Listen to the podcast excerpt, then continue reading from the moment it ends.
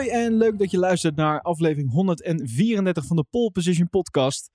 Uh, we gaan het hebben over de Grand Prix van Qatar. En dat doe ik natuurlijk niet alleen in mijn eentje. Dat doe ik natuurlijk met Matthijs Kooijka aan de andere kant van de lijn. Hoi Matthijs. Hallo, hallo. Hoi. Um, ik, uh, ik, ik, kijk wel eens uh, wat YouTube dingetjes en zo na de race. hoe anderen zeg maar dit reviewen en wat ze erover te zeggen hebben, vind ik leuk. En soms zitten daar leuke dingetjes in die je dan meeneemt in de po podcast. En het valt me altijd op dat die dingen vooral maar vaak een half uurtje duren. En dan denk ik altijd bij onze podcast, goh, wat doen wij er lang over? ja, maar dat komt doordat wij gewoon ronde voor ronde ook de vrije training en de kwalificatie bespreken. Ja, oké. Okay, dus we doen wel meer dan de ander eigenlijk. Ja, nou dat sowieso. Ik ken uh, weinig andere dingen die ik luister waar ze het ooit over de vrije training hebben. maar ik dacht hetzelfde, want ik heb vandaag uh, in de auto Slipstream geluisterd. Oh ja, en die zijn ook gewoon een half uurtje zijn die klaar. Ja, ja, nee, dat is... Ja, bijvoorbeeld zeggen, een andere podcast die ik heel veel luister, Checkered Flag, uh, van de BBC. Die, kijk, die doen dat wel drie keer in een weekend, hè. Die doen en vooraf van de race, en na de kwalificatie, en na de race. En ja, als je dat dan bij elkaar optelt, zit je ook gewoon aan twee uur, hoor. Kan ik je even klappen. Dus, ja, dat is wel waar. Dus maar goed, is wel vers van de pers. En bij ons wil ja. het nog wel eens een weekje later. Ja, of, of meer. maar, ik ben, ja, maar ik ben wel benieuwd. Want ik heb dit dus, ik ben ook, dit doe mij maar een half uurtje. Uh, en ik heb mede dankzij jouw liefde voor lange podcasts, Elwin, geleerd dat wij het gewoon lekker drie kwartier tot een uur moeten doen.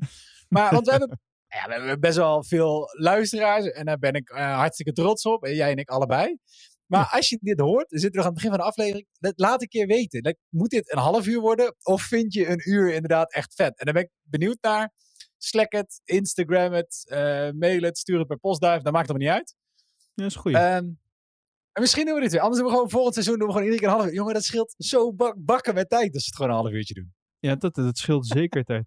Uh, je, Scheelt je, de helft. Je kan het, uh, ja, ja, Slack is sowieso een goed idee, maar anders kan je het ook uh, mailen naar uh, info.polepositionpodcast.nl Op dus, de info podcast. Ja, of DM'en, Instagram. Die gooi ik er veel te weinig in eigenlijk. We hebben gewoon een mailadres. Dus, maar, maar ik gebruik het nooit. ik zeg het bijna nooit. Dus bij deze. Alright, de Grand Prix van Qatar. Um, ik vraag altijd eventjes, vind ik leuk gewoon voor het idee. Ik deed het ook in de Slack dit weekend. Van, uh, hoe heb je de race gezien? Hoe zat je erbij? Um, ik vraag ook vaak in de Slack, stuur even een fotootje. Vind ik, vind ik gewoon leuk om even een beetje hè, gezamenlijke ervaring. Uh, zeker in de tijd waarin we uh, op anderhalve meter afstand of soms meer moeten zijn. Dus bij deze, Matthijs, hoe heb je de race ge gezien? was je thuis? Heb je, was je op de bank? Oh ja, dit heb ik gezien. Je hebt een foto gedeeld met, Jij was pepernoten. met een leeg bak. Ja, met een leeg bakje. Wij hebben dus inderdaad die, die Slackgroep. Uh, en ik kreeg foto's met borrelplanken. Zo. En met bitterballen. En er werd goulashsoep gemaakt. En ik had een leeg fucking bakje pepernoot. ja, wie, wie, had er nou, uh, wie was er nou goulashsoep aan het maken? Ja, dat, uh, dat was echt leuk om te zien hoe iedereen dat dan een beetje zo op zijn eigen manier beleeft. Naar de hand, ja. Dat was wel, uh, was wel echt grappig. Maar nee, ja, dus ik, ik heb hem gewoon op de bank zitten kijken. Uh, vriendinnetje erbij en uh, de lekkere race kijken. Ja, toch. Wacht, ik, ben, jij? ik heb even erbij gehouden. Peter. Peter was bezig met de, met de goulash. Mooie foto erbij dat hij buiten bezig was. In de kou. Marieke, die had die heerlijke borrelplank trouwens. Superleuk. Ja, en dan ene Matthijs met een leeg bakje. Ik, ik had ja, zowaar een, een show in deze tijden waarin waarin dat niet mag, uh, mag het op sommige, uh, sommige momenten wel. Namelijk als je bijvoorbeeld zit, dan, dan, dan mag je gewoon een show geven. Dus, dus, dus dat betekent dat ik moest werken. Ehm, en ehm, dit was zo, we hadden, het was, ik zal het even een beetje kort samenvatten. Het was een show van Suzanne Freek in de Victorie in Alkmaar. Ben je was geweest, poppodium Victorie? Dus nope. Nee, nou, poppodium ken je wel, koop je kaartje voor. in dit geval was het een uitverkochte show, dus volle bak. Alleen Rutte en die jongen die hebben daar een stokje voor gestoken. Die zeggen dat mag niet meer. Het mag alleen in een theater. Of dus eigenlijk met andere woorden, als je zit, dan mag het wel. Nou ja, als je een uitverkocht poppodium, als je die, al die mensen gaat laten zitten, dat past niet meer in dezelfde ruimte. Dus we hadden een oplossing gevonden. We doen drie shows op een dag. En dat was echt perfect gepland. Want het was precies tussen show 1 en show 2 kon ik de race kijken. En er waren een aantal jongens van het uh, poppodium zelf daar aan het werk. Die waren ook racefan. Dus die hadden in de kleine zaal, want die was leeg, werd niet gebruikt. Hadden ze even een, uh, een schermpje naar beneden gehaald. even het, uh, het PA aangesloten, hè, de, de grote boksen. En dan zaten we daar gewoon met z'n allen op een rijtje lekker Formule 1 te kijken. Ik vond het super leuk. heel tof. Ja, dus, dus, dat is, zo heb ik de, de race ervaren. En dan wel met mijn laptopje erbij, als enige nerd. En dan met de Slack natuurlijk open om even met iedereen een beetje te praten. En dus ook de vraag hoe iedereen dan een beetje bij zit, fotootjes erbij. Dus ik, misschien dachten de anderen, wat is die gast aan het doen? We zijn toch gewoon een race aan het kijken. Maar ik was gelijk een hele administratie bij aan het houden. Want ja, podcastopnames. Dus, uh, dus vandaar. En, uh, maar Anders dat was... kan je geen uur volgen. Nee, precies, daarom. Want heb jij alleen de race gezien of heb je het hele weekend ook nog een beetje meegekregen? Jij kijkt nooit zo het hele weekend meer, hè? Oh, dat is helemaal niet waar. Oh. Ik kijk alleen, ik kijk de vrije training alleen eigenlijk nooit. Uh, de kwalificatie wel, behalve in dit geval. Dus ik heb wel de samenvatting van de kwalificatie ah, gekeken, okay. maar niet, uh, niet live. Dus ik kijk het meestal wel terug, want ik vind het wel leuk om te zien hoe en wat. En ik kijk eigenlijk altijd wel de samenvatting van de kwalificatie voordat ik mijn pool invul. Ja, oh ja, dat, daar was je nog net op. Het is goed dat je daar even, uh, we doen nog steeds een pool. Ja, het, als je nog niet meedeed, is dit niet meer misschien het moment om nog mee te gaan doen. Alhoewel, er zijn genoeg mensen die ook vaak een raceje missen. Dus ja, als je een aantal keer goed voorspelt, ja, daar dan, eentje van. ja, precies. Dan wellicht heb je nog genoeg punten. maar ik had hem dus ook weer ingevuld. maar dat, volgens mij is er echt niks van, klopt daar helemaal niks van na, na deze race. Het, was, het was toch iets anders verlopen. Ik had bijvoorbeeld niet verwacht, komen later nog even op, dat ene Fernando Alonso op de derde plek zou eindigen. En voordat we dan verder gaan, dat deed mij even aan één ding denken. En ik heb het nog opgezocht, maar ik kon het niet vinden. Maar ik kan me herinneren dat wij ergens aan het begin van dit seizoen met elkaar een soort weddenschap hadden gedaan. Nee, vast niet. Nou, dat weet ik zeker. En Vast die, die weddenschap die eh, was als volgt. Uh, ik zei, en hier heb ik een kleine twijfel, maar ik zei dat Fernando Alonso op het podium zou eindigen dit seizoen. Minimaal een keertje. En een beetje op de manier zoals Gasly. Maar ik weet dus niet of ik heb gezegd dat hij eerste zou worden. Ik denk het niet, kan me niet voorstellen. Maar wel dat hij podium zou halen. Toen heb jij gezegd, gaat niet gebeuren. No way. Ik vind, dat je, ik vind dat je jezelf nu al ontzettend aan het indikken bent. Nou. Volgens mij zei jij... Nee, ja, dat, ik kan me inderdaad vaag zoiets herinneren. en uh, ja, wat kan ik zeggen? Hij heeft mazzel gehad. Nou, ik, onwijs veel mazzel gehad. Wat ik kan zeggen is maar, dat... super vet. Ik ga gewoon even deze opname zeker terug. Ik heb gezocht. Uh, ik heb het nog niet gevonden. Maar ik moet ergens terug te vinden zijn. En uh, ik ga je hiermee terugpakken. Matthijs. En jij gaat ook dan de belofte die je toen hebt gedaan inlossen. Dus hier komen we oh, nog God. even op terug. Afijn, uh, de Grand Prix van Qatar. Derde race van de triple header trouwens. Dus de jongens die hadden het vrij druk. volgens mij merkt hij ook een beetje... merkt hij dat bij de teams ook een beetje. Ik, ik, heb bijvoorbeeld onder andere bij de teambazen merk ik het een beetje. Het, Christian Horner, Toto Wolf, die hadden... Die ja, zitten heel de tijd met elkaar een beetje overhoop. En ik, ik snap het wel, want hè, kampioenschap, het is spannend en het gaat om jouw coureur dus uh, ja, je zal er alles voor doen om, om ervoor te zorgen dat hij uh, of, er het beste uitkomt. Maar ik heb ook een beetje het gevoel dat iedereen wat sneller op zijn teentjes is getrapt of zo. Ik, ik vind het niet ja, allemaal chic ja, wat er in de media gebeurt. wat, tussen die twee onder andere. Nee, nou ja, ik blijf daar ook eigenlijk een beetje bij weg. Ik moet zeggen, ik vind het niet zo heel interessant en ik vind er niet zo heel erg te doen. Ja. Um, want het is gewoon bijna een beetje, beetje soapgedrag. En ik denk dat het merendeel hiervan ook gewoon vrolijk door de media overdreven wordt. Ja. Maar ja, je ziet gewoon dat dit het einde van het seizoen is. En het gaat er nu echt een keer om. Ja, precies. Nou, dat en is dat waar. is natuurlijk al jarenlang is dat niet geweest. En dat is, ik denk dat dit, dat in zoverre dus heel nieuw is. Want ja, jarenlang was er helemaal niks aan de hand. En dan, dan is het ook prima door één deur kunnen voor uh, uh, Total Wolf en voor, uh, voor Christian Horner. Ja, ja, dat is natuurlijk nu een ander verhaal. Ja, dat, dat komt, ik, ik noem het omdat bijvoorbeeld het weekend begon echt nog met zo'n nasleep van Sao Paulo. Waarin je uh, dat gevecht tussen Max en, en Lewis, waarbij uh, nou ja, ze, ze beide naast de baan gingen en daarna gewoon erop. Dat, dat Mercedes daar uiteindelijk achteraf nog over ging zeuren. En dat vond ik een beetje. Ja. Nou ja, dat, dat soort dingetjes gebeuren nu. En dan denk ik, dat is dan nergens voor nodig, zeg maar. Maar wat ik wil zeggen, misschien komt het ook gewoon dat iedereen wat sneller op zijn uh, teentjes is getrapt door, door dat drukke schema of zo. Dat, ik heb zo'n idee dat dat ook een beetje meespeelt. Het is best wel heftig, hè, het schema wat die jongens allemaal moeten afwerken. Drie van die, uh, als je van, wat is het, Mexico, Brazilië, nu Qatar. Inclusief uh, waar we het over hadden, vorige keer al die jetlags, et cetera. Het zal niet meespelen met het humeur, laat ik het dan zo zeggen. Ja. Ja, Qatar, al vaker genoemd dus. eh, de 75ste locatie die een Grand Prix organiseert, Matthijs. Want we zijn natuurlijk nog niet op eh, eh, Qatar geweest. In Qatar geweest voor een, voor een race. En het is natuurlijk een beetje in het leven geroepen door alle corona-omstandigheden nog zeker. En om zeker te weten dat we konden racen ergens, is Qatar op, het, op, op de agenda verschenen. En ehm, ja, ik, waarschijnlijk, ik weet waarschijnlijk het antwoord al, maar ik ga het je toch even vragen. Race in Qatar, wat vind je daarvan? Moet dat, is dat, moet dat kunnen, politiek gezien? Of zeg je, joh, de sport moet zich daar niet mee bezighouden, er moet alleen maar racen en het maakt niet uit waar we het doen. Nou ja maar, als, ja, als je het daarover gaat hebben, dan denk ik dat we, dat we nog wel een paar races kunnen schrappen van de kalender. Dat, ja, nee, ja, ja, fair enough. Dat zou, dat, Dus dat heeft niet alleen iets met Qatar. Dan, dan kunnen we volgens mij het hele einde van het seizoen gewoon eh, de- er een streep doorheen zetten. dat, dat is ook heeft Max nu gewonnen en dan zijn we klaar. Nou ja, omdat Nee, het, ja, het is, het is- Het is natuurlijk een beetje zo'n ding wat ook woorden met, je- eh, met de, wat is het? De EK, sorry, EK, WK wordt natuurlijk ook georganiseerd. Daar wordt ook, het is heel omstreden allemaal en zo. Eh, en dan is toch bijzonder dat, dat ze er dan toch naartoe gaan. En ik, volgens mij, ik kan me niet herinneren dat Lewis zich er nu heel erg over heeft geuit of zo. Maar misschien heb ik iets qua nieuws gemist hoor, wat dat betreft. Hij had natuurlijk wel nou die ja, Lewis die heeft natuurlijk wel...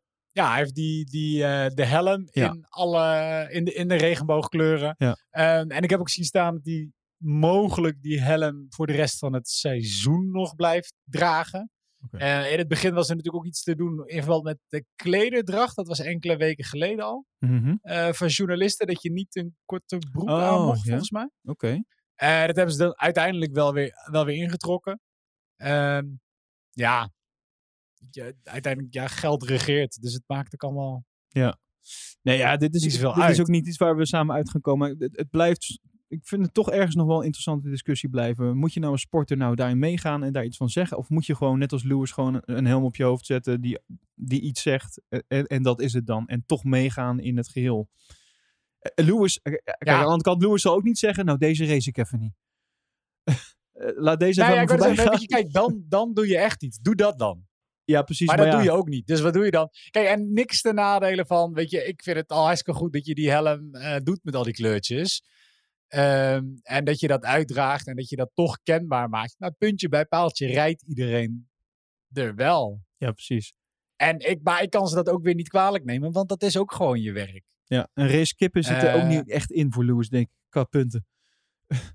Nee, nee ja, of dan moeten hij en Max het gewoon op een, eh, zeggen, jongens, we parkeren hem gewoon langs de zijkant en, eh, en, en laat maar zitten. Kijk, dan ben je ook wel weer een beetje een baas als je dat doet. Maar Ja, ik denk dat ze dat ook niet zouden durven.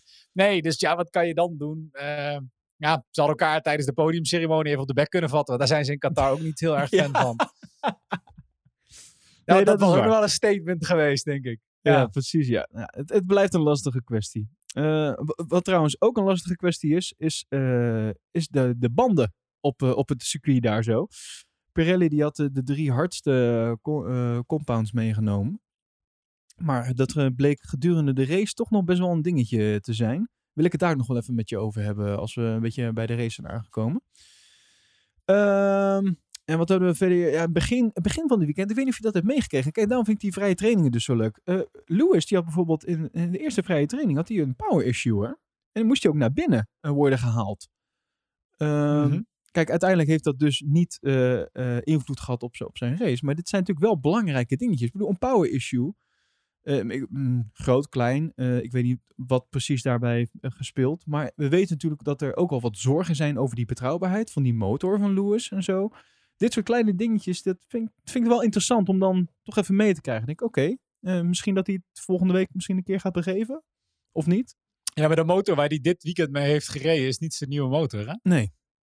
nee ze, hebben, ze hebben de oude motor terug in de auto Precies. gehangen. En die nieuwe motor, die, die vorig weekend zo onwijs snel was, Ja. die hebben ze nog niet gebruikt. Die bewaren ze voor eh Jeddah. Jed- Ja, Jeddah, Jeddah. sorry.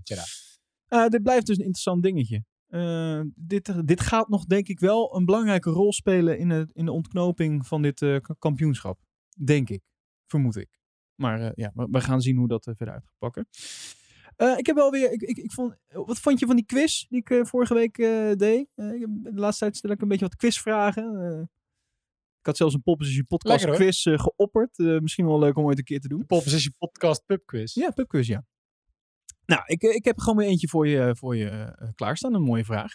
Uh, welke coureurs hebben hier al eens eerder gereden? Van het huidige grid. Dus van de huidige 20 coureurs. Wie hebben wel eens eerder gereden op dit circuit? Ja, dan bedoel je niet in de Formule 1 dus? Niet in de Formule 1, nee. Dat kan niet. Uh, ik weet niet, heeft Hamilton hier niet een keer op de motor van Rossi gereden? Uh, oh, dat, dat, Nee, volgens mij niet. En als dat zo is, uh, dan. Ik heb het wel over een auto, dan denk ik in dit geval. Nee, nee ja, daar, daar, heb ik geen idee. Ja, Kim Hieroik, nee. Nee. nee. Ik, uh, ik, ga gewoon zoeken mensen die, ja, die het langst bij zitten. Nee, um, nou, het, nou, dit is dus grappig dat je dat zegt. Je denkt dan, nou, misschien mensen die dus al lang in de Formule 1 zitten. Uh, het zou je ja. verbazen, maar Nikita Mazepin heeft in 2014 al een keer geraced. 2014, nou, dan was hij best nog wel jong. En uh, uh, Sergio Perez heeft hier in 2009 ooit gereden in de GP2 Asia. Oké. Okay. Ja, dat vond ik wel een, een grappig ding. En um, nu we het daar toch over hebben, over die GP2 Asia, die we natuurlijk allebei van begin tot eind hebben gevolgd. um, weet jij wie het trackrecord heeft op, op het circuit van Qatar? Ik heb geen idee. Nee? Nico Hulkenberg. Oh. Ja, met een 1.35.741. Uh, dat was wel voorafgaand aan dit weekend. Want daar zijn ze natuurlijk met de Formule 1 auto's nu vol overheen gegaan. Maar tot dit weekend was het dus Nico Hulkenberg. Heeft hij toch nog iets qua record op zijn naam staan? Geen, geen podiumplek, maar ja, wel... buiten, de meeste races op het podium. Ja, precies. Ja, precies. Um, ja, en uh, over de track record gesproken, die werd natuurlijk in de eerste vrije training al meteen bap, uh, eraf geschoven met een 1.23.723 door, uh, door Max. Verder had Stroll wat problemen met zijn auto. Stroll die sowieso de laatste tijd niet heel lekker gaat, naar mijn idee. Ehm, nou ja, over een ander team wat ook niet zo lekker gaat. McLaren gesproken. Norris die uh, vernielt even zijn frontwin op zo'n sausage curb. En dat is iets wat we ook vaker dit weekend eigenlijk uh, terug zagen komen. Hè? Uh, auto's of coureurs die eigenlijk die hun... nou, denk bijvoorbeeld aan die lekke band van Gasly. Die tijdens de mm -hmm. kwalificatie zijn frontwing ook op zo'n sausage curb eraf... Um, ja, de afrijdt en daardoor eigenlijk zijn rechterband snijdt. En daardoor een lekke band komt het is iets wat wel. Die curbs waren wel een beetje een ding. Um, ja, ik, wat mij betreft moeten die sausage curbs gewoon weghalen. Ja, jij vindt dat dat, dat is. Dat hoeft, dat hoeft niet voor jou. Nee, ja, ik zou niet. Nee, nee, weet je, ik vind, geef iemand dan gewoon een penalty. Maar als je auto's krijgt die links en rechts kapot gaan, daar heeft niemand wat aan. Nee. En ik weet dat de meeste, de meeste rijders zijn er ook niet blij mee met die, uh, met, met die curbs. Dus, dus, nee, en wat is nou, maar waarom uh, is het nou bij sommige circuits dat ze die nou wel hebben en, dan, en bij sommigen dus niet? Wat, wat is nou de, de specifieke functie van, van die curb, van die specifieke sausage curb? Ja, dat weet ik niet. Op sommige plekken heb je het uh, en is het gewoon echt nuttig, omdat je gewoon in een bocht gebruiken ze hem bijna om zelfs tegen, tegen af te zetten. maar waarom ze dus soms wel zijn en soms niet. Dat, is, dat zou ik eigenlijk niet weten. Nee, ik weet het ook. Misschien dat een van onze. Oké, nou, misschien dat onze een van onze luisteraars dat uh, anders weet. Dus, uh, mocht je luisteren en uh, Matthijs kan het zo snel niet vinden, laat het ons zeker even weten. dat kan via ons Slack-kanaal. Je hebt het al eerder even gehoord in deze aflevering. de link daar naartoe vind je in ons Instagram-account, @polepositionnl. Daar vind je link in bio en dan kan je aanmelden voor ons Slack-account. Ja, het enige wat ik zo uit mijn hoofd niet weet is, het is natuurlijk een soort van afschrikmethode, want je wil daar juist niet overheen in plaats van dat je stiekem wel de lijn passeert. Maar goed, het is niet heel moeilijk omdat je daar een camera hebt staan en dat je gewoon straffen uit kan delen voor mensen die, die, die met vier wielen buiten de baan komen en klaar. Eigenlijk een soort uh, uh, fysieke track limits, om het zo maar te zeggen. Ja, ja, maar het is gewoon, ja, ik weet niet. Ik vind het. Uh, dat is wel interessant. voor mij niks toe. Nou, nu we het toch over die track limits hebben, die zijn dus, wist jij dat? Dat die gedurende het weekend zijn aangepast. Ja. Uh, volgens mij op de vrijdag op zaterdag zijn volgens mij die, of nee, nee, sterker nog, na de eerste vrije training zijn die aangepast. Want eerst waren de track limits op vier bochten en die hebben ze daarna gewoon even gewijzigd naar alle bochten. track limits op alle bochten, dus uh, geen contact met de, de paarse witte curbs eigenlijk. Uh, althans, je mag er niet volledig overheen gaan met je auto.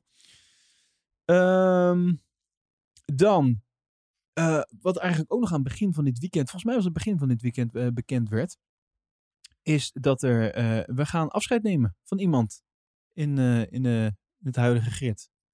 Weet jij wie? Wie heeft te horen gekregen dat hij... Antonio Giovinazzi. Ja, Venati. En zou je dan ook graag de naam willen uitspreken van degene die zijn stoeltje gaat, Nee, dat ben jij. gaat innemen? Dat is Kwon Yu. Of, ik, ik vond de Engelse uitspraak vond ik echt fantastisch. Dat was Kwon Yu Jiao. Kwon Yu Jiao. Ciao. Jiao. Jiao. Het klonk echt nergens naar. Maar ehm, ja, die, die gaat daar dus eh, rijden bij Alfa volgend jaar. Eh, de- eerste reactie? Huilen? Of denk je van, Ja. nou, Gio heeft zijn kansen wel gehad, niet bijzonder en door. Nou ja, weet je, Gio heeft af en toe hele goede dagen. En de rest van de dagen niet. En dat is het een beetje. Hij, is, weet je, hij heeft wat Strol ook wat. Nou, Strol dit seizoen een beetje teleurgesteld, sowieso. Ehm, Ja. Maar die heeft soms ook dagen dat hij goed is. Is hij ook gewoon echt wel goed. Ja. Maar helaas zijn dat er relatief weinig en liggen ze best ver uit elkaar. En dat is bij Giovinazzi ook zo. Dus, dus ja, de dagen dat, ja, de rest van de dagen valt hij gewoon een beetje tegen. Maar goed, als je in een of andere hele slechte auto het op zich van, van Kimi kan winnen, dan ben je toch best wel goed bezig. Zou je denken. En er zit er best wel wat talent in. Ja, Ja, dat het is is waar. jammer dat je eruit moet. Maar uiteindelijk is het, eh, draait het toch ook allemaal weer om geld. En Alfa Romeo kan het geld ontzettend goed gebruiken. En Tsu neemt een hele grote bak met geld mee. Eh ergens Ja. tussen de 20 en de 30 miljoen. Ja. Sorry, Gio. Eh, ja, dan ben je gewoon slachtoffer van dat spelletje. Ja, nou, daar- daar, daar noem je natuurlijk wel iets. eh, ehm, het feit dat hij natuurlijk zoveel geld meebrengt, dat zorgt natuurlijk wel mede voor dat hij daar gaat rijden. Want we eerlijk zijn, ik weet niet of je een beetje de Formule 2 eh, volgt. Eh, maar volgens mij moeten zij ook in Jeddah gaan zij weer rijden, waar ook de Formule 1 gaat rijden. Maar ehm, ja, hij, is daar, hij heeft daar dan, op dit moment staat hij daar tweede. Ehm, maar met een straatlengte voor hem staat eh, Oscar Piastri. Dus als er iemand eigenlijk een plaatsje in de Formule 1 zou verdienen, dan is hij het wel, vind ik.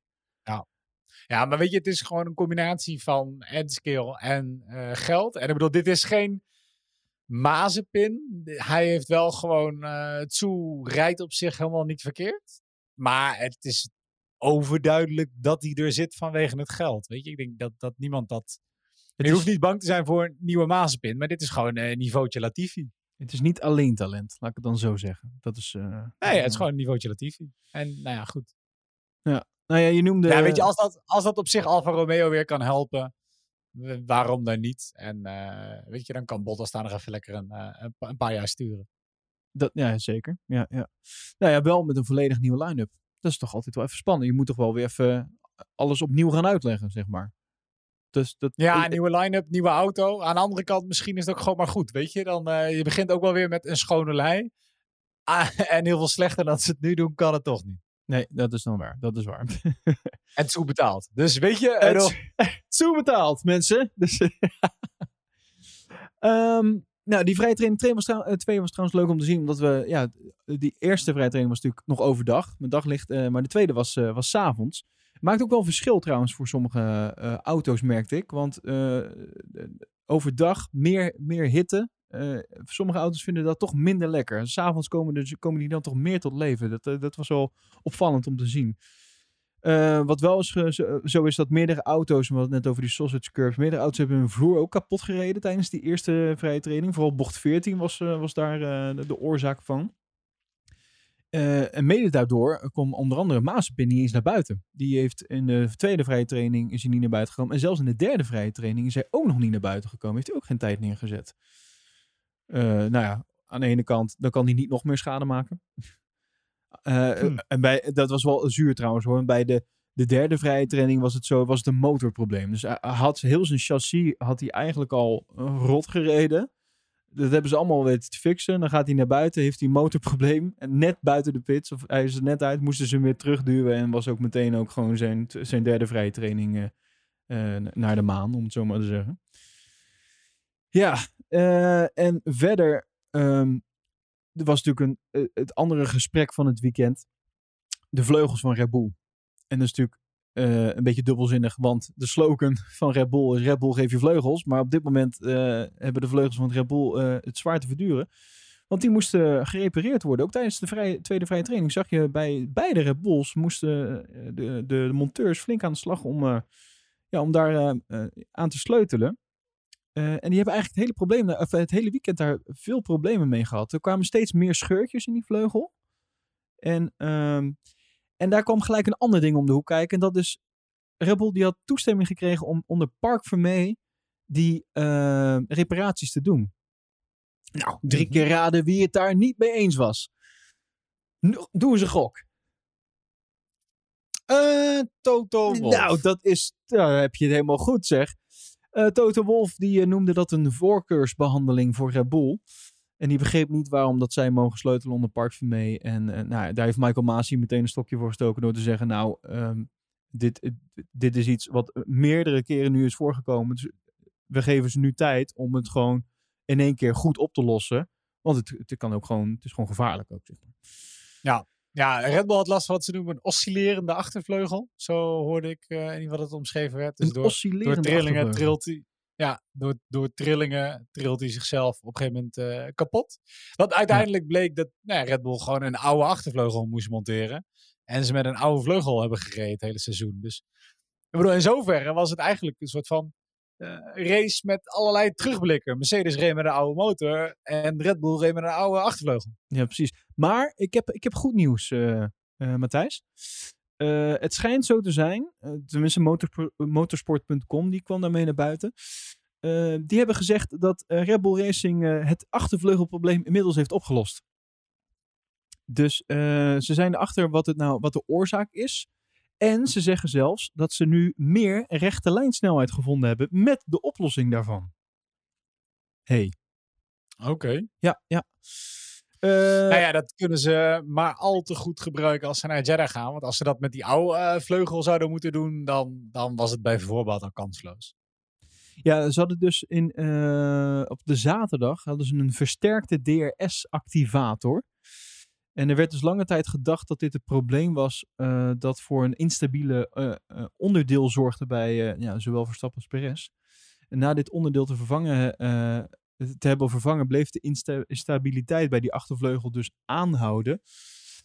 Maar doordat ze dat hadden gedaan, zorgde het wel dat ze op de juiste spoor kwamen met wat nou de echte oorzaak was wat betreft eh, die achtervleugel. En dat konden ze namelijk dan weer aflezen van de gegeven, eh, gegevens nadat ze die wijziging hadden gedaan. Ze konden gegevens voor eh, eh, die wijziging, konden ze natuurlijk eh, die data analyseren en daarna. En eh, het versterkte systeem wat ze dus hadden eh, ge- gemonteerd, eh, dat bleek dus niet te werken. Maar eh, ja, het zorgde uiteindelijk voor dat ze dus eh, het, eh, erachter kwamen dat het open- en sluitsysteem van die DRS, want daar hebben we het over, dat het veel te stijf was. Dus eh, daar hebben ze nu enkele aanpassingen aan gedaan en enkele onderdelen van hebben ze krommer gemaakt.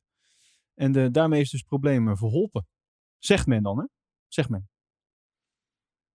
Dus, Ja, ik ben heel benieuwd. We gaan het komen, komend weekend gaan we het zien. ja, dat is, de, is, het, is het nou grootspraak of uiteindelijk moet je het toch gewoon laten zien op de baan, toch? Ja, ik wou net zeggen. Zou, zou, zouden ze het echt zeggen als het wel zo was of als het niet zo was? Ja, ja dat is dan ook wel waar. Ehm, laten we even snel de kwalificatie doornemen. Waren daar nog dingen die jou opvielen? Ehm, even denken. Nou, wat mij opviel is dat ehm, bijvoorbeeld Bottas uiteindelijk toch wel een beetje tegenviel. Ik had meer van hem verwacht tijdens de kwalificatie. Ik vind hem toch daar altijd sterk. Maar uiteindelijk merkte je dat, dat Verstappen toch steeds die, eh, die eh, Mercedes wist eh, te splitsen.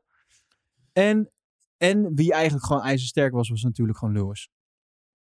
En dat was vooral... Ja, Lewis de- was... Maar ik bedoel, nog meer. Ik bedoel, Alonso op een vijfde plek. Tsunoda op een achtste plek. Nou, dat is... Ik heb de Tsunoda nog, nog helemaal niet gezien. Dat is ook de laatste keer dat we wat van hem gehoord hebben, deze race. Maar Ja. eh, in de kwalificatie liet hij het toch even zien. En ook kon ook Perez, die op een elfde plek eindigde. En die eigenlijk helemaal niet eens... Ik bedoel, dat is natuurlijk gewoon... Gewoon beschamend. Ja, wat er met Perez gebeurt, krijgt. dat is... Want die ging nog een keer op de rode band naar buiten in Q2.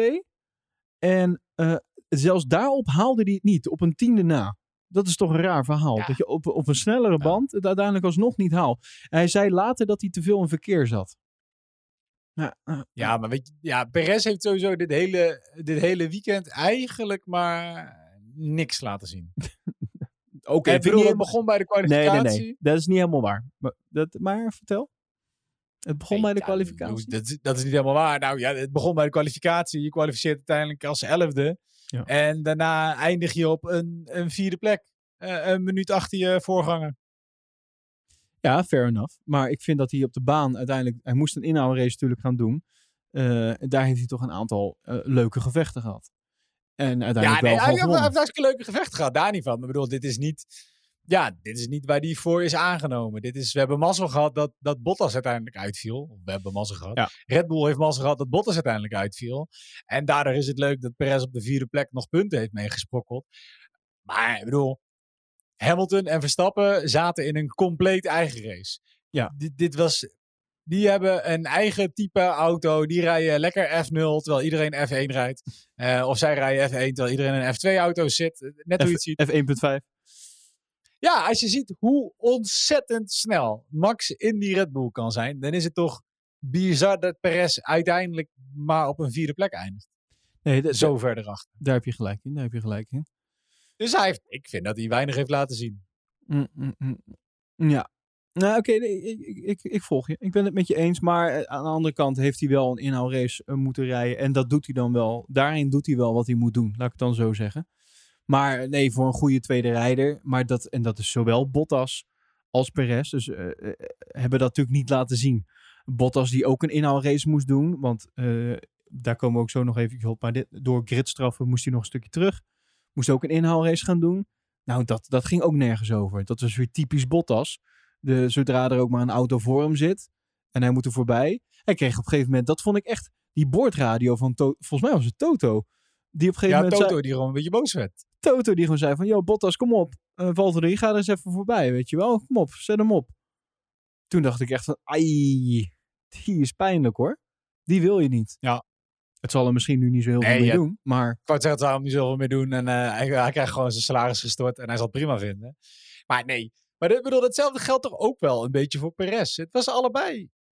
Of en Max en Hamilton zijn zo bizar goed. Dat is het. Dat uh, de, de rest niet meer meedoet. Dat, of... Maar dat is het. Dat is het echt. Want het is bijna. Ik bedoel, als je, als je even als je hun. Als je en Hamilton en Max wegdenkt, dan zou je helemaal niet denken dat de Mercedes en de Red Bull zoveel betere auto's hebben. Nee, dat, dat is waar. Dat klopt. Dus het, het zijn echte rijders. In die zin. Ja. Wat, wat, was het? Nou, en ik bedoel, het zijn redelijk dezelfde auto's. Nou is er natuurlijk, er zit hier en daar wat verschil tussen, tussen de auto's. En uh, het ene vleugeltje zal misschien wat beter zijn. Of, uh, ik kan me best voorstellen dat Max de betere onderdelen krijgt dan, dan dat Perez het doet. Hoewel het volgens mij tegenwoordig binnen die teams de verschillen veel minder groot zijn dan dat, weet ik veel, twintig jaar geleden was. Waarbij je echt heel duidelijk ja. een eerste en een tweede auto had. Uh, dus nee, dan is het verschil is allemaal de rijder. En dat verschil is enorm. Volgens mij was het na, na 11 ronden lagen ze al meer dan 25 seconden voor. Uh, die ja, die ja, zijn ja. gewoon een heel eigen race aan het rijden. Ja, nee, dat klopt. Die waren echt uh, vrij snel, waren ze al meer dan 20 seconden verwijderd van de, van de rest. Ja, het is bizar. En omgekeerd, denk, denk, denk even om. Alsof Max of Hamilton er niet waren, dan was dit het saaiste kampioenschap ooit geweest. Want dan hadden we acht races geleden al een winnaar gehad. Uh, nou, of, nee, ja, precies. Maar als je ze allebei niet zou hebben, dan zou je superleuke kampioenschap hebben. Dat dan weer wel. Ja, nee, dan was het wel weer spannend. Dus ik denk dat we een keer moeten, moeten stemmen. En of deze twee gaan gewoon naar een eigen raceklasse. Of de rest moet even iets beter zijn best gaan doen. Want ja, uh, het is nou om te janken. Nou ja, wat, wat ook om te janken was, uh, leuk dat je die brug maakt. dat, dat was Ferrari. Vond ik echt om te janken dit weekend. Leclerc onder andere, die niet eens doorkwam naar Q3. Uh, had, had, onder andere foute timing op de baan.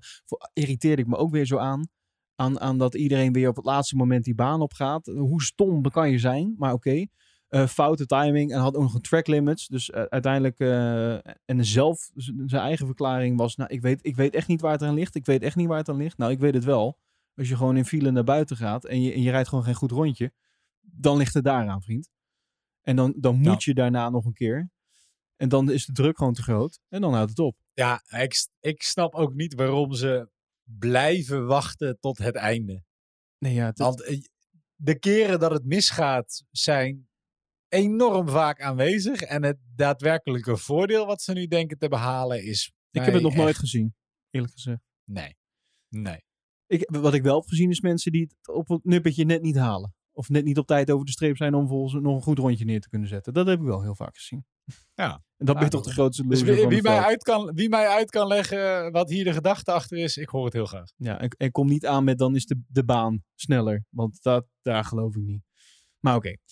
Eh, wat wel trouwens leuk was, is Vettel die haalde Q3 voor het eerst sinds acht races. Dus eh, Vettel had een betere kwalificatie.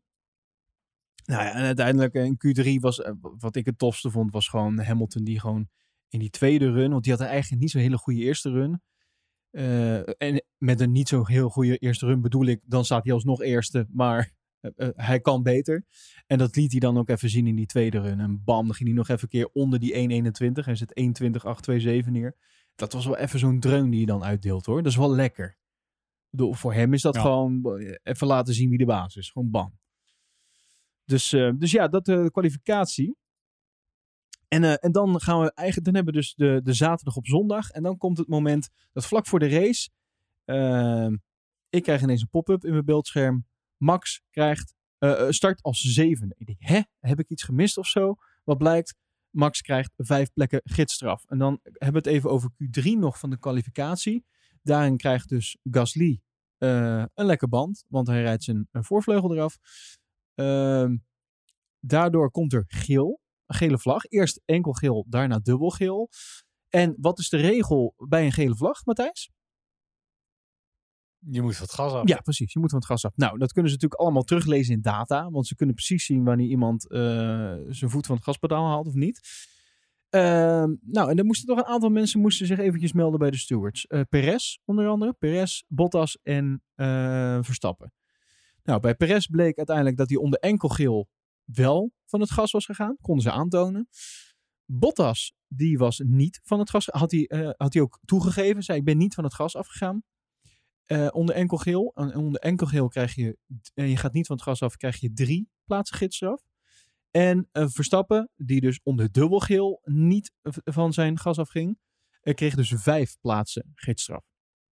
Nou, en wat was nou het geval? Er was dus een marshal op de baan die dus met geel ging zwaaien. Maar het was iets wat niet elektronisch. Hè? Die jongens hebben allemaal op, zo'n, eh, op een stuurtje of zo'n dashboardje. Krijgen zij bijvoorbeeld ook eh, te zien als er een gele vlag is. En langs de, de baan heb je natuurlijk ook die e- elektrische borden. Eh, Ja. Uiteindelijk schijnen dus die signalen er allemaal niet te zijn geweest. Het schijnt puur één marshal te zijn geweest die met één en daarna met twee vlaggen ging zwaaien.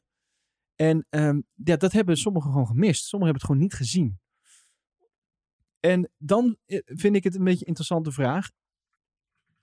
Is het terecht dat ehm, Max en Bottas dan die straf krijgen? Als ik er zelf even antwoord op moet geven, hè, degene die de, die de vraag stelt, eh, moet hem beantwoorden. Die Ehm, beantwoordt hem zelf. die beantwoord hem. Ehm, aan de ene kant vind ik dat geel is geel. Dus eh, hoe dan ook, als er geel is op de baan, dan betekent dat dat je van je gas af moet gaan. Ook al is er elektronisch iets niet waardoor dat niet doorkomt. Het team moet dat in ieder geval wel kunnen zien en meten. In ieder geval kunnen zien met verschillende camera's, toch? Zij moeten meer overzicht Mhm. hebben op die baan dan dat een coureur dat misschien kan zien vanuit zijn vizier. Aan de andere kant, VIA heeft gewoon zijn shit niet op orde. Want als daar iemand zo. Iedereen kan daar dus met een gele vlag staan, eh, kan- staan zwaaien. En, en daarmee kan hij dus instant een, een race beïnvloeden. Vind ik wel interessant. Ja, nou sterker nog, Christian Horner die noemde die, eh, die Marshall noemde die Malafide. Die Malafide, ja, die moest hij later even terugnemen. hè? Ja, daar moest hij uiteindelijk zijn excuus voor aanbieden. Maar eh, ja, het is dan ook wel, niet zo heel lekker van, van Christian. Maar nee, ja, ik vind het, het is een beetje een raar systeem. En bij zoveel verwarring zou je zeggen, dan deel je dus geen straffen uit. Nee, nou, dat, Want verwarring en geen direct gevaar. Maar ja, Precies. Ja, het is wat het is. Weet je wat mijn hele grootste hekele punt hierin eigenlijk is? Nou? Dat Max als enige die straf kreeg en dat eh, Bottas hem bijvoorbeeld nog niet had. En ik toen mijn GP pool had ingevuld. En je die niet meer kan wijzigen. Want ik dacht, dit wordt een 1-2'tje voor Mercedes. Dat lijkt me duidelijk. En toen hoorde ik dat Bottas naar achter werd gezet en dat hij in het verkeer moest starten. En toen had ik hem heel anders ingevuld. Jouw bezwaar, Dat vind ik ligt eigenlijk meer, kwalijk. jouw bezwaar ligt meer bij, de, bij de makers van GP Pool. dan- Ja, dus mochten de makers van GP Pool luisteren, doe hier even iets aan. Dat je tot de start van de race gewoon je pool nog even aan kan passen. Zou fijn zijn. Oké, nou ja, dan eh, bij deze is het duidelijk wat jij eh, hierover vindt, Matthijs. nee, ja, ik, eh, nogmaals, ik vind als er zoveel onduidelijkheid is, dat, dat ben ik wel met je eens, dan, dan kan je toch niet zomaar straffen gaan uitdelen. En ik vind het gewoon raar dat dus iedereen die langs de kant staat, die dan met, onder het, onder, met zo'n vestje aan en die dan een steward is en die dan eh, een spasma krijgt waardoor hij zijn eh, hand omhoog steekt met een gele vlag, dat, dat heeft instant invloed op die race blijkbaar. Dat vond, ik, dat vond ik pas interessant om te merken. Dus dat overruled blijkbaar de, het systeem van de FIA. Dat vond ik Ja, interessant. maar goed, ik bedoel, maar het is toch ook de marshals die zien het eerste als er iets misgaat. Dus dat is toch heel logisch. Eh, ja, maar Zij dan, zijn daar juist om als eerste te zien of er iets misgaat en daar een teken van te geven. Dus als zo iemand de gele vlag pakt en gaat zwaaien, dan moet de rest meteen denken, oh fuck, er is iets mis. Dan moeten ze niet eerst nog, oh, is er echt wat mis? Nou, laten we het even uitzoeken. Nou, daar is het systeem juist niet voor bedoeld. blijkbaar is het niet waterdicht. Want er zijn coureurs die in ieder geval zeggen dat ze het niet hebben gezien. Kan ik me voorstellen. Als een Marshall links staat en jij gaat rechts een bocht in. Ik noem maar een voorbeeld. Ja. Eh, dus dan is het systeem niet waterdicht. Dus eh, ik- in plaats van dat een Marshall alleen maar gaat zwaaien met zo'n vlag, moet er misschien elektronisch gewoon iets gedaan worden. Dat een Marshall instant gewoon eh, op een knop kan drukken. Bam, er is nu geel, zeg maar. Toch? Ja. Als, als hij toch, als een, Ja. als een Marshall met een vlag altijd bovenaan staat in die, in die, in die rangorde, om het zo maar te zeggen. Dan, dan moet hij niet alleen met een vlag, maar ook iets digitaal kunnen bedienen, naar mijn idee. Waardoor de rijders dat instant te zien krijgen. Toch? Dan ben je er volgens mij. Dan krijg je in ieder geval niet dit, dit soort Eh. rare situaties. Laat ik het dan zo zeggen. Ja, ik ga even een brief naar de VIA schrijven. ik Ja, toch? Dat, dit, moet, Ik denk dat je het hebt opgelost. dit moet te regelen zijn. nou ja, eh, wat het er wel voor zorgt is dat dus Max als zevende eh, moest starten. Maar wel een fantastische start had. En eh, ook eigenlijk, nou wat was het? Volgens mij na, in de achtste ronde stond hij alweer op P2. En, en eh, wat hij nou uiteindelijk had verloren qua tijd was zo'n 4 seconden, 4,5 seconden ongeveer. Dat, dat deed hij dan toch wel goed hoor. Dat, dat is dan toch wel weer smullen. Laten we, laten we eerlijk zijn, dat hadden we anders niet gezien. En ik durf ook wel te Mhm. beweren dat als hij gewoon als tweede was gestart, eh, dan was er verder niet veel spectacula- spec- eh, spectaculairs gebeurd. Want Lewis was waarschijnlijk toch weggereden. Gezien de staat van zijn auto en, en het circuit en Ja. de Red Bull. Dus we hebben er wel iets spectaculairs voor teruggekregen. En het was ook meteen natuurlijk even het antwoord van Max op de baan. Dat is ook wel lekker. Toch? En wie dus ook een goede start had, en dat vond ik dus leuk, Alonso. En dat was nog wel een dingetje, want ik weet niet of je dat hebt gezien, maar eh, het was wel bijna einde race voor Max door Fernando Alonso. Want die kwam toch wel heftig die bocht in eh, zetten, met Max naast zich. Ik had, ik had het idee dat hij hem niet eens zag. Ik had het idee dat hij echt Ja, vol nee, bezig was- met Gasly. Ja, nee, ja, 100%. Dat was ook echt wel eh, even knijpen. Ik dacht heel even, het is gebeurd. Ja. En, en nou, gelukkig valt het allemaal mee en herstelt iedereen zich weer. Ehm, maar nee, 100%. Ik denk dat, dat Max Eigenlijk is wat dat betreft, is het begin van de race toch altijd het meest billen knijpen. Eigenlijk wel, ja. Nou ja, dat, ik denk dat in dit geval Max ook echt wel eh, er alles aan doet om heel dus die eerste ronde of de eerste bocht in ieder geval door te komen. In dit soort gevallen. Want ja, uitvallen is natuurlijk cruciaal. mee te nemen. Ja, maar uitvallen is cruciaal natuurlijk in, in deze stand. Ja. Uitvallen is op dit moment in het, in het kampioenschap cruciaal. eh, dat kan echt, nou, dat kan betekenen einde kampioenschap eh skansen wat dat betreft. Dus eh, ik denk dat hij wel een stuk minder risico in die zin zal nemen. Eh, in dit geval dus ook sneller even aan de kant gaat als hij ziet. eh, meer oplet. In ieder geval meer dan dat Fernando deed, eh, naar mijn idee. Ehm, nou ja, we hadden het net over gehad. Bottas die dus ook die gidsstraf eh, had. eh, maar die, die ook aan een inhoudrace ging beginnen. Maar die, die was niet zo succesvol. Uiteindelijk die, die lekke band ook nog een keer. En ehm, ja, dat was... ehm, ja, dat, dan krijg je weer het punt. Is dit nou de fout van Pirelli of niet? Had Pirelli iets moeten doen hier eh, wat betreft de banden? Of hadden ze een ander advies moeten geven? Wat is jouw mening daarover? Nee. Nee? Nee, toch? Ik bedoel, dit was toch uh, Pirelli die stelde gewoon voor dat je het uh, in uh, twee pitstops moest doen. En als jij dan besluit om te kijken of je het in één pitstop redt, ja, dan is het je eigen probleem. Ja, dat, dat, is, dat is waar. Hadden ze misschien een andere bandenspanning moeten adviseren? Ja. Hoger? Gaan, gaan, we nu doen, gaan we nu doen alsof jij die, die weinig van bandenspanning af weet en ik die niks van bandenspanning af weet hier een juiste beslissing nou, kunnen nemen? sinds ik mijn, mijn banden bijna kaal heb gereden, weet ik alles van bandenspanning. Welke spanning staan jouw banden? Nee, ja, dit is, dit is uh, het zorgt dan weer voor wat actie. Ik bedoel, je ziet meteen paniek en mensen die opeens denken, shit, we moeten toch naar binnen. Ja. Ik vind het wel leuk. Ja, hier kan je Pirelli, uh, kan je dit toch niet kwalijk nemen? Nee, ik denk het ook niet hoor. Maar er zijn altijd mensen die dat instant gaan roepen. Van, ah, het is, uh, volgens mij was het Norris onder andere die, daar, die daarover begon. Uh, Norris die, die was wel weer aan het wijzen naar Pirelli. wat betreft de banden.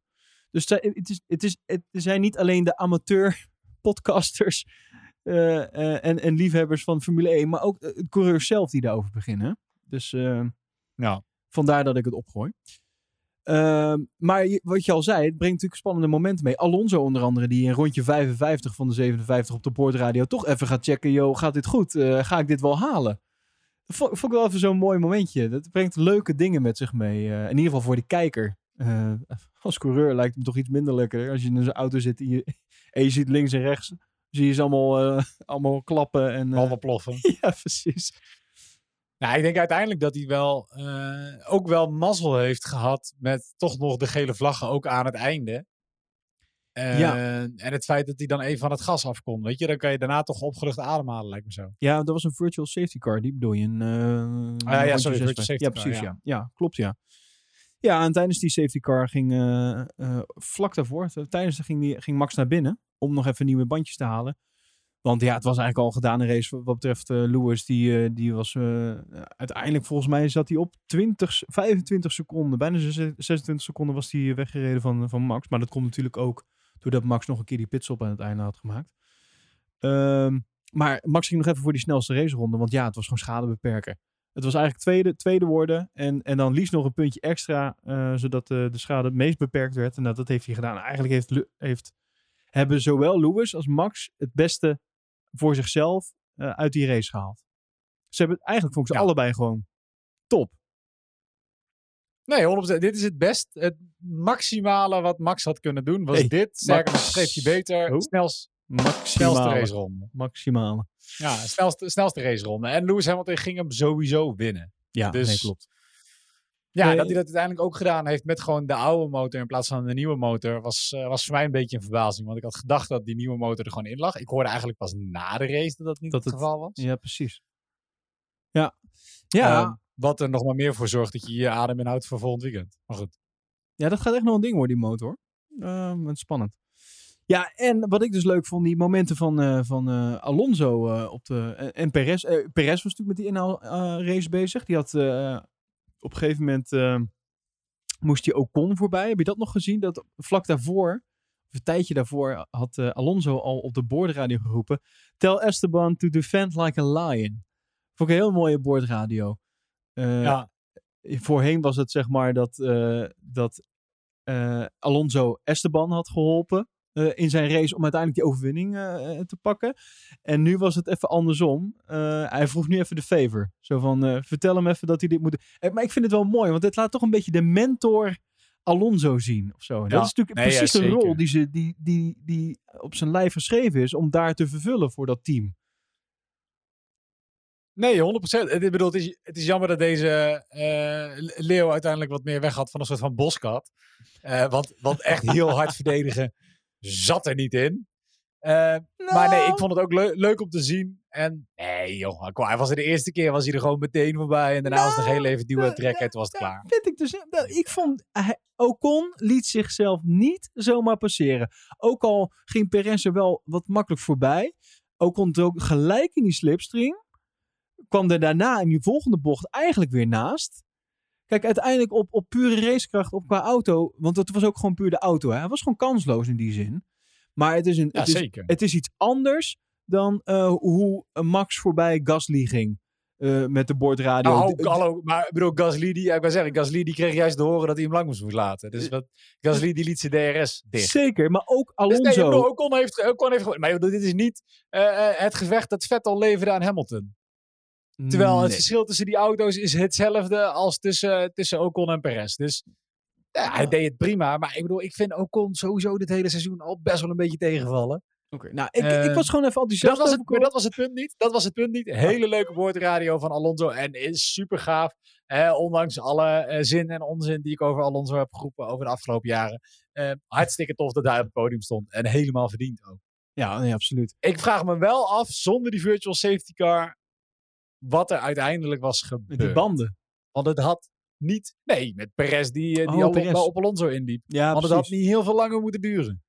Nee, dat is waar. Nou, maar ook qua banden trouwens hoor. Het schijnt ook dat ze achteraf nog even die banden hebben bekeken. Dat was, ook, dat was echt ook op het randje. Dat had ook niet een, Ja. een rondje langer moeten duren. Weet je trouwens eh, het laatste podium van Alonso? Wanneer dat was geweest?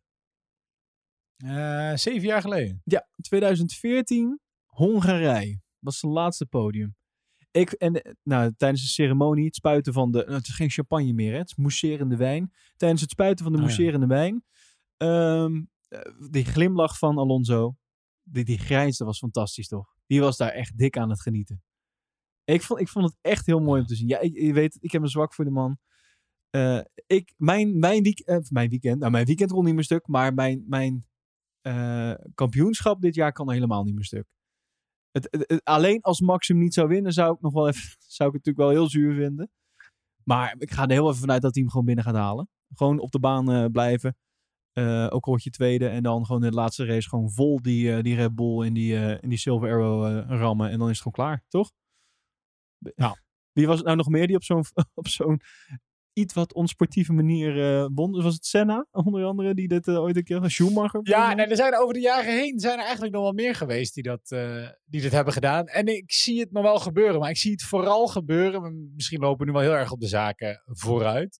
Dat in de laatste race Max gewoon niks te verliezen heeft. Want dat heeft hij niet. Nee. En, en daardoor in een bocht met Lewis. En Lewis dat ook wel beseft. Weet je, Lewis ook wel snapt.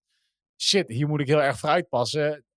En nou, ja, een keer zijn positie, zijn positie terug moet geven aan Max. En bij het opnieuw inhalen dat, dat gewoon Max tot het naadje gaat. En dat ze er allebei aftikken. Ja, dat is natuurlijk al... En eh, dat we tot mm, december 2024 moeten wachten voordat VIA besloten heeft wie dit kampioenschap heeft gewonnen. want, want dat gebeurt dan ook wel weer. Ja, nee, dat, daar heb je gelijk in. nou, tot zover de race in Qatar. Ehm, ik, ik heb nog wel wat nieuws om even af te sluiten. Wat kan je korte, korte nieuwsfeitjes? Oké. 2024. ja, Het is geen woord aan gelogen.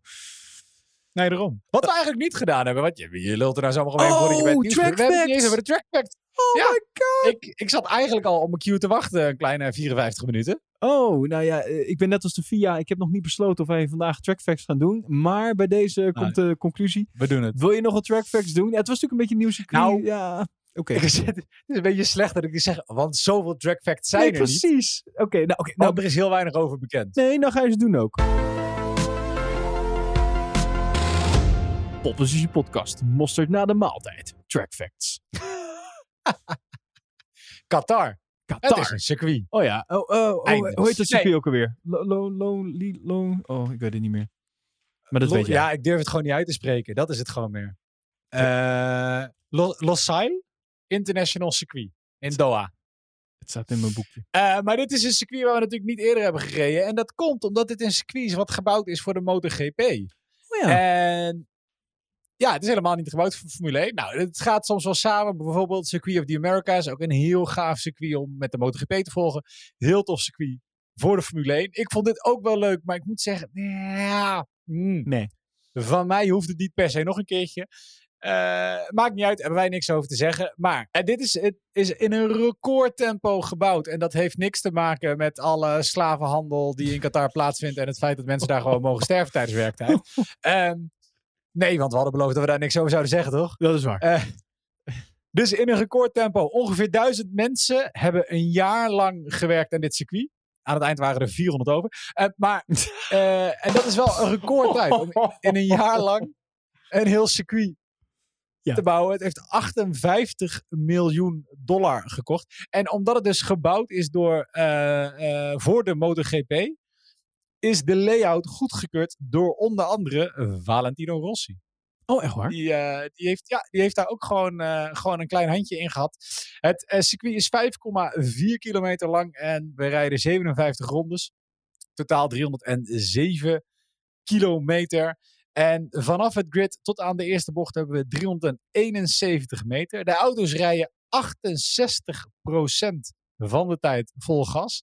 En voor de MotoGP is dit bijvoorbeeld ook het circuit met de grootste fuel consumption uh, in het hele seizoen. Oh. Dus voor Formule 1 ligt het ook wel hoog. Ik weet niet of er een paar F1 circuits zijn uh, waar dit nog hoger ligt of niet. Uh, maakt niet uit. De uh, pitlane is relatief kort. De coureurs schakelen 36 keer per rondje. Nou, wat is dan nog meer leuk om over het circuit te zeggen? Is dat het stiekem ook nog best wel uh, de, de stiekem regent het 8,8 dagen per jaar daar bij Doha. Dus de kans dat we daar ooit een regenrace gaan zien is relatief klein. Maar wat mm. verwacht je dan in de woestijn? En, en de Grand Prix, even kijken, van 2004 tot en met 2007 was de gemiddelde tracktemperatuur 45,5 graden. Als je ja. kijkt naar de MotoGP-tijden tussen, 2000, tussen 2004 en 2007.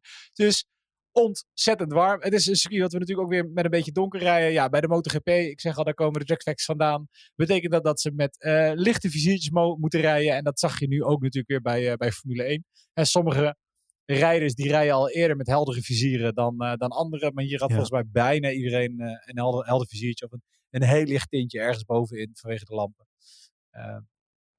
En ja, dat, nee. is, dat is Qatar eigenlijk. Ja, er is niet zo heel veel over te zeggen.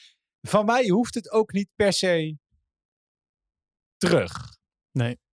Ja, het, is toch, het is toch meer een MotoGP-circuit. Heel simpel. Dat merk je toch aan. Ja, dat merk dingen. je dan toch wel een beetje aan de bocht. Er is natuurlijk ook maar één DRS-zone trouwens. Ja. Uh, uh, want ja, een andere kunnen ze er ook niet bij proppen.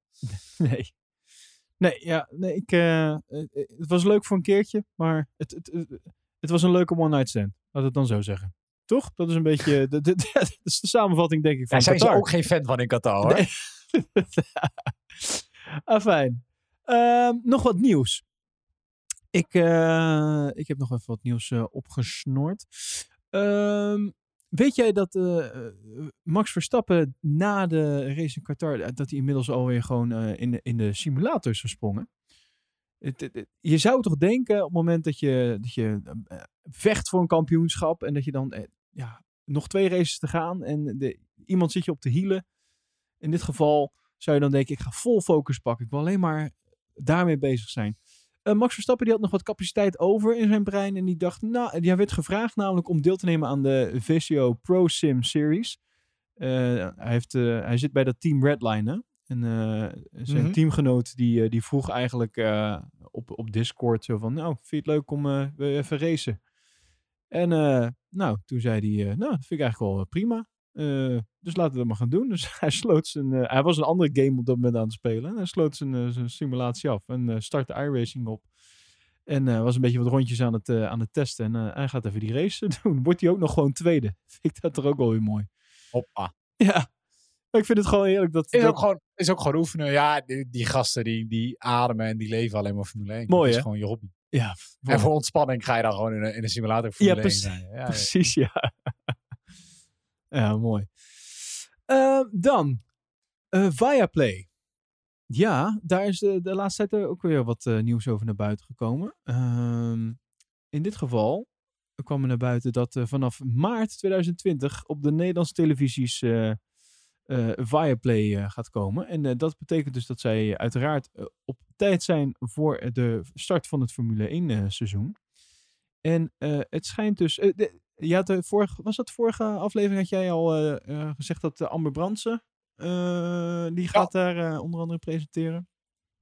Het schijnt dus ook nog dat Jack en Olaf nog steeds niks hebben gehoord. Althans, dat is wat zij nog, nog steeds niet weten. Nog steeds zeggen, wat dat betreft.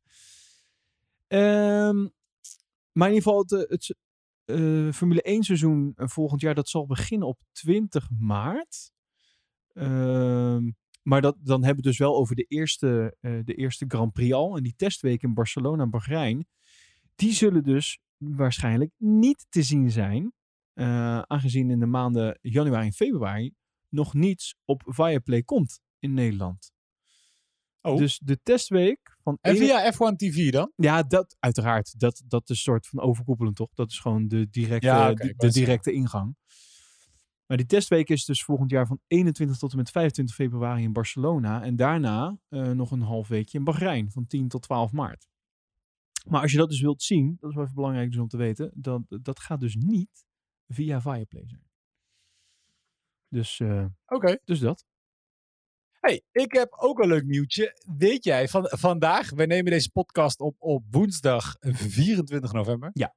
Eh, goed om even te zeggen, in het geval dat hij over drie weken uitkomt. Nee, grapje. Ehm, en, eh Ja, it's funny sorry. because it's Elden true. doet altijd heel hard zijn best. Ik zit er eigenlijk alleen maar bij om een beetje te zeiken. Eh, vandaag, de dag, 2006. Weet je wat er toen gebeurde? Oeh. Nee, 2006.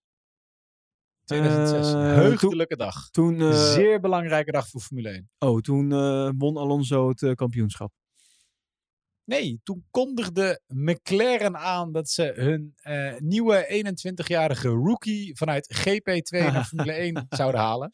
En dat is Lewis Hamilton. Genaamd Lewis Hamilton. Ja, precies. Ja. ja, wat cool. Ja, moet je nagaan. Bizar, hè? Het is gewoon al 15 jaar, 15 jaar geleden vandaag. Ja, als je erover nadenkt, dan is het wel bizar, ja. Ja, tof. Nou, eh, eh, we hadden het net al eventjes in de, in de aflevering over, ehm over Giovinazzi, die het eh, veld moet ruimen. En eh Kylian Tsu, of Jou, zoals in Engels, Engeland zeggen. Die gaat het team versterken. Maar je zou bijna vergeten dat Alfa Romeo ook nog gewoon een, reservecoureur heeft. Weet je nog wie dat is? Reservecoureur. Ja, ze, ze hebben gewoon een reservecoureur bij Alfa. Afgelopen seizoen al. Oh, Heeft eh, zelfs eh, gereden. Ja, ja nee, eh Kubica. Jazeker, Robert Kubica. En eh, die heeft te horen gekregen dat hij ook in 2022 gewoon als eh, reservecoureur op de loonlijst staat bij Alfa Romeo. Dat is toch leuk? Zijn, eh, zijn contract eh, is Eh. Eh, eh, eh, toch? Eh, hartstikke. Hij moest, eh, dit, seizoen, dit seizoen moest hij al twee keer invallen voor Kimi. Dus het is, het, is, het is niet gezegd dat als je reservecoureur bent, dat je dan eh, niet per se gaat rijden. Ik bedoel, hij heeft toch twee keer... eh, en dat heeft hij volgens mij ook niet per se onverdienstelijk gedaan toen hij eh, even moest rijden voor Kimi. Nee, Dus dat waar.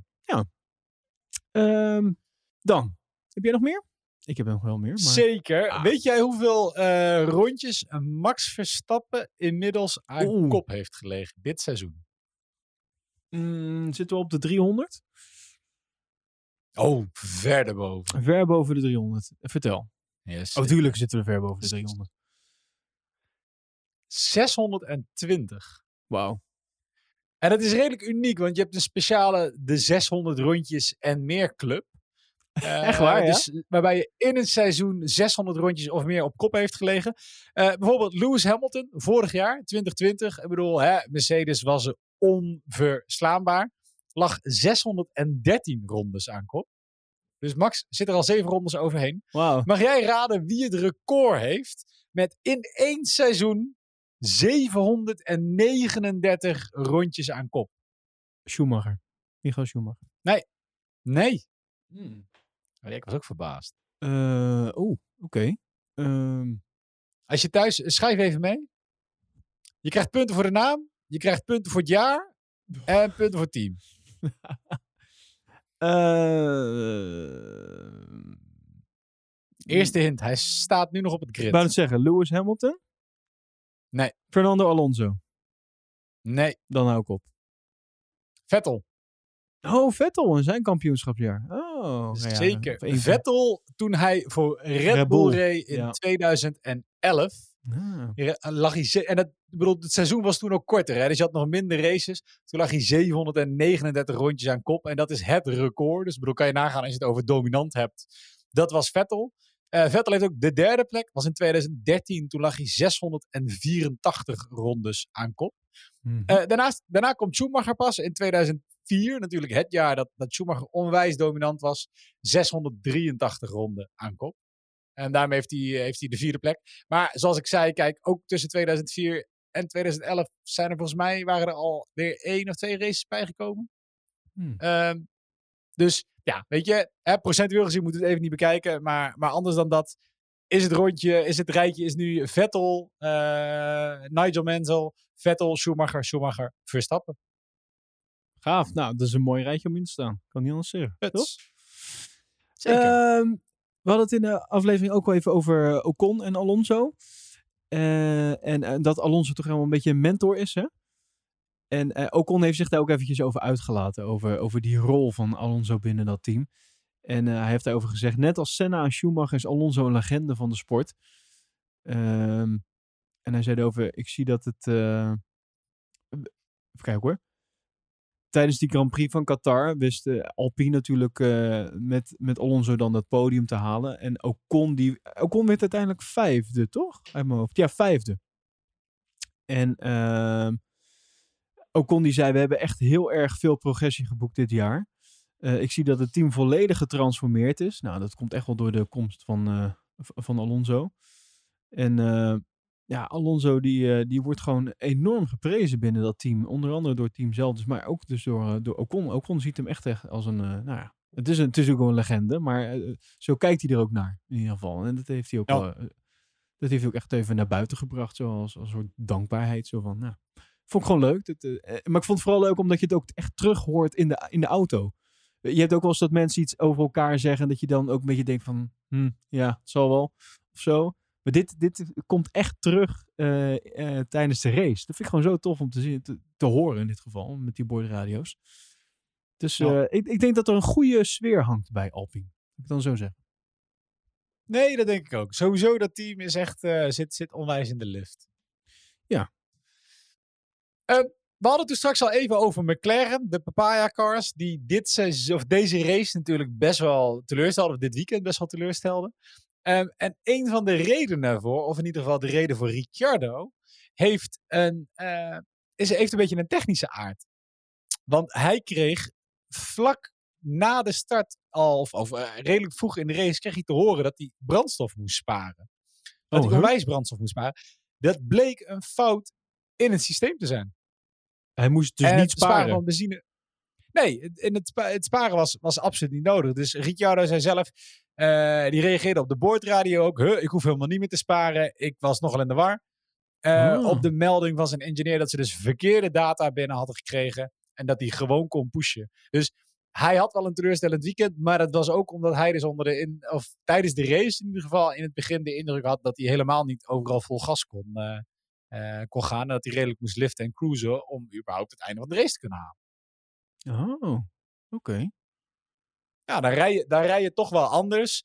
Uh, zei hij zelf ook. Weet je, je gaat rustiger rijden. Je laat de, de auto, laat je, je gaat het eerder van het gas af. Je laat het er meer uitrollen. Dan koelen je remmen af. Je banden worden wat kouder. Je verliest wat grip. En dan krijg je een soort van neerwaartse spiraal. Waardoor het gewoon extreem moeilijk wordt om nog steeds te rijden. Als ja, je precies. door hebt dat jij als enige brandstof aan het sparen bent om je heen. Ja, nee, dat is waar. Ja, foutje in het systeem, technisch foutje, heel veel. Mm. Ja, ze hebben natuurlijk sowieso niet een, uh, een lekker weekend weer gehad. Ja, oké, okay, dat, uh, dat hopelijk voor ze dat dat, uh, dat, dat, dat dat soort dingen dus niet hun, hun plek in de, bij de constructeurs in gevaar brengt. En bijvoorbeeld ook die, die plek van, nou, in dit geval zal het Norris niet zijn. Maar bij de coureurs zat Norris natuurlijk ook nog wel goed erbij. En inmiddels mm -hmm. uh, staat hij op uh, flinke achterstand toch wel van Perez nu. 153 punten heeft Norris en 190 heeft Perez. Hm. Oké. Okay. En bij de teams, ik ga even nog even snel kijken bij de teams. Uh, Mercedes staat nog bovenaan. Dat is verrassend, want Bottas was natuurlijk uitgevallen. Dus ik had al verwacht dat, dat Red Bull er nu overheen zou zijn gegaan, maar dat is nog niet. 541,5 punt voor Red Bull, 546,5 punt voor Mercedes. En uh, ja, op de derde plek inmiddels aanbeland Ferrari. 297,5 punt en McLaren 258. Dus ik zie het nog gebeuren hoor, dat Ferrari gewoon derde wordt dit seizoen. Uh, ja, hele grote kans. Maar het zou dus ook zomaar kunnen dat we dit seizoen, en volgens mij is het al heel lang geleden, dat we dat hebben gehad, dat de wereldkampioen een ander team is dan de dan constructeurs. De constructeurs. Ja, precies. Dat zou ook nog... eh, interesting, interesting. wel ik, ik heb geen idee wanneer dat voor het laatst was, maar het komt niet vaak voor. Nou, wat ik wel weet is dat, eh, dat we even een weekje rust hebben. Ik denk dat iedereen daar even aan toe was. eh, inclusief wij. Kapot van de podcasten. Kapotkasten. Maar ehm, in de, ik denk bij de Formule 1 ook even dat eh, alle teams heel even een weekje hebben om op adem te komen. Ja, en dan gaan we die slotfase in. Hè? Twee, we- twee races achter elkaar. En dat, dat, daarin gaan we het. eh, ik vind het wel leuk. Ik vind het echt heel gaaf dat we nog steeds niet weten wie, eh, wie er nou kampioen gaat worden. En ik hoop eigenlijk dat we dat tot de laatste race nog onbekend. Dat het of dat, het dat in ieder geval ja, tot de laatste race spannend blijft. Ja. ja, 100%. Die, dat, dat half uurtje is niet gelukt, Matthijs. Ik, denk, ik kijk even op de klok. Nee, we zijn al even vies overheen gegaan. Nou, we hebben het in ieder geval geprobeerd. of, of zo. Laat het even weten. Hè. Als, als je het tot nu hebt volgehouden en je luistert nog steeds, allereerst eh, dank je wel. En laat eens even weten, dan proppen we het volgende keer gewoon lekker een half uurtje. In ieder geval, dankjewel voor het luisteren. Eh, mocht je nou eh, meer willen weten of eh, praten met andere luisteraars, dan kan dus via de Slack. hashtag link in bio van ons ehm, Instagram-account. En vind je de podcast nou zo leuk en wil je ons een financieel hart onder de riem steken, dan kan dat op petje.af slash poleposition. Dankjewel Matthijs weer. En ik zie jou graag over twee weken eh, met hopelijk nog een, eh, een, een, een, een, een race te gaan waarin we dus nog niet weten wie, wie het dan gaat worden. Dus, eh, dus ik hoop gewoon dat we, wat is het dan? Dan, dan moet dan moet Verstappen volgende Ja. keer tweede worden. Wat is het nou? Lewis mag in ieder geval niet Ja, als- uitvallen. nee, ik wou zeggen, ja, sowieso. Als een van de twee uitvalt, dan is het gebeurd. Ja, precies. Nou, laten we in ieder geval hopen dat dan de auto's heel blijven. Dus niemand moet uitvallen. En zolang zij allebei eerste en tweede, blijft alles mogelijk. Nou, eh, in dat geval ga ik nu alvast invullen in mijn pool. Verstappen eerste, Hamilton tweede. Vind ik gewoon een goed idee. Dankjewel voor het luisteren en tot de volgende aflevering.